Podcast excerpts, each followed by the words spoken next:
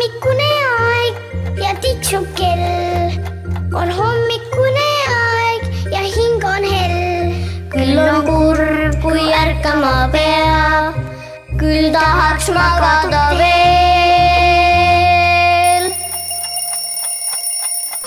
tere, tere hommikust.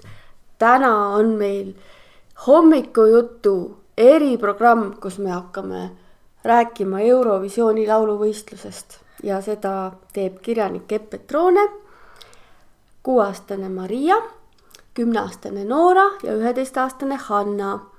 ja päris palju on Eestis neid lapsi, kes elavad sel nädalal Eurovisiooni tähe all ja hoiavad pöialt Eestile ja võib-olla teist pöialt kellelegi teisele. aga Maria on pigem nende laste hulgas meil, kes eriti palju ei tea Eurovisioonist. Kas teie mäletate, millal teie hakkasite vaatama või aru saama, mis asi see on, see Eurovisioon? mina hakkasin umbes äh, kolm või neli aastat tagasi. Mm, ma hakkasin millalgi viis või neli ka, et nagu ma ei ole väga kaua vaadanud seda.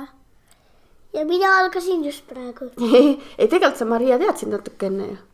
me natukene siin vaatasime siin arvutist neid eh, videosid ja selgus, et Maria teadis näiteks laulu Franz Gallilt, mis on aastast tuhat üheksasada kuuskümmend viis. ja ta teadis seda laulu, päris vana laul ja see võitis ka tookord. miks Eurovisioonil tahetakse võistelda, kas te olete aru saanud?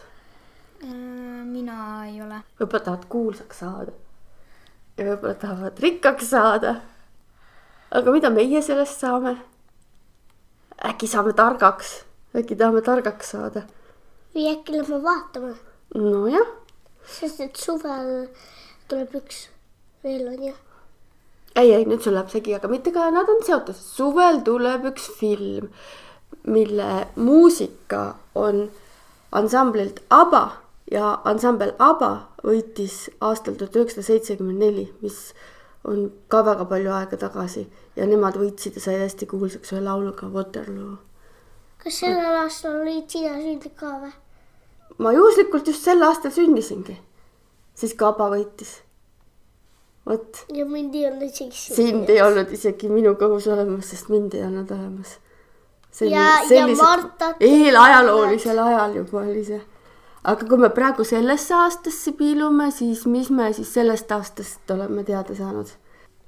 kas teeme ka oma ennustusvõistluse või? jaa. keda te ennustate?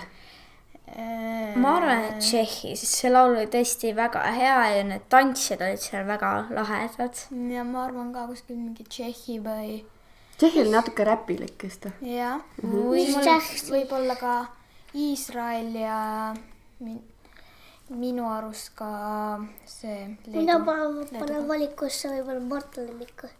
Marta Lemmik on ainult aastast kaks tuhat üheksa, Aleksander Rebak. Fairy tale. tema ei saa enam võita. tema kohta tüdrukud ütlesid, et ega ta enam nii ilus poiss ei ole, et, et või tal võib-olla on hoopis vuntsid. ükskord olid sellised ammused ajad, noored poisid. ja siis vaata, me vaatasime seda, siis kui Eesti võitis, Tanel Padar oli ka noorem, eks ju, kui ta nüüd on. Mhm. aga jah, võib-olla võidab hoopiski Eesti sel aastal jälle. ega Jaa. ju välistada ei saa. ja ei saa. noh, ma julgen panustada isegi võib-olla natuke Eesti nagu, et see kleit, mis Elina Netšajeval oli, oli tõesti väga võimas. et suurem osa lauljad, naised vist kandsid lühikesi kleite, mis on vist praegu moes või mis on hoopis mm. moodsamaks läinud kui pikad kleidid. ja kindlasti välja paistab see meie pikk kleit ja ooperi stiil küll. see oli väga ilus laul minu mm. arust. jah, aga nii omamoodi, hoopis teistmoodi. jah, mis sina, Mari, arvad? ma ei tea, panustaksid sellisele kleidile? see suur kleit. see suur kleit ja vaata see, kes oh,. ma ei tea, kuidas see oli tehtud. mina ka ei tea, ma jäin ka mõtlema, et no ütleme nii, et see kleit maksab üle saja tuhande euro, tähendab, maksis kuuskümmend viis tuhat maksab see, et arvutiga sinna peale lastakse neid värve.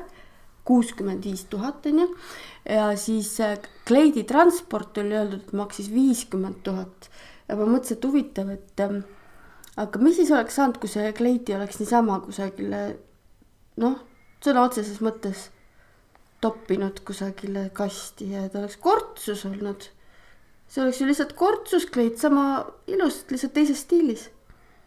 siis oleks äkki maksnud näiteks viissada eurot see transport. mis te arvate? või oli väärt seda raha kulutamist? minu arust Eesti riik maksis selle kinni, et nad natukene seal arutasid, et kas keegi teine võiks seda heategevuse korras maksta, aga ikkagi Eesti riik maksis. meie kõik maksime selle kinni. kas teie arust on äge või, või mitte? Mm, minu arust on äge küll, aga võib ka teistmoodi, et ei pea nii palju raha kulutama sellise kleidi peale. see kleit oli ilus, mulle meeldis see, kui see prožektorid sinna peale lasksid, aga nagu ma olen Nooraga nõus, et nagu mõnikord võib ka lihtsamaid nagu ilusaid, aga mitte nii kalleid. no ja vaata, kui ta oleks kortsus olnud, võib-olla siis ei oleks see graafik nagu nii kena peal jäänud, aga aga kindlasti no see transa nii palju maksis, on küll täitsa imelik. huvitav ja Maria sõnu küsimust meenutades, et kuidas see kleit ikka tehtud on, kuidas ta nii suur sai olla, kuidas ta sinna lennukisse ära mahtus, et ta kortsu ei läinud? päris palju pidi äkki pärast triikima ikka mm. no see selleks, kindlasti kleit jääb selle aasta ajalukku, et igast aastast jäädakse midagi mäletama ja sel aastal me kindlasti mäletame kleiti ja varsti-varsti saame teada, kas me peame ka selle lauluvõistluse jälle korraldama sest sina, Maria, seda ei tea, suured tüdrukud juba teavad, ma arvan. et see, kes võidab, mis ta Selle- tegema peab? selle, no sel-, see riik, mis võidab, selle, selle riigis toimub järgmisel aastal Eurovisioon.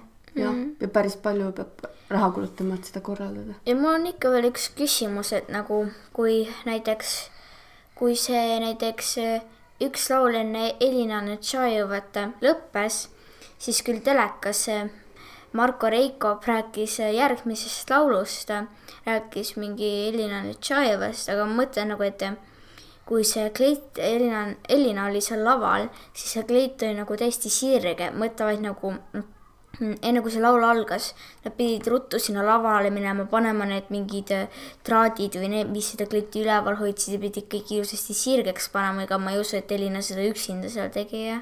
aga kuidas nad nii ruttu ta ära jõudsid sealt üldse viia? sest see lava on ju üks lava. ja et ma ei usu, et seal oli mingi kardine. kuidas ta isegi sai alustada? selle ma ei kujuta ette tegelikult.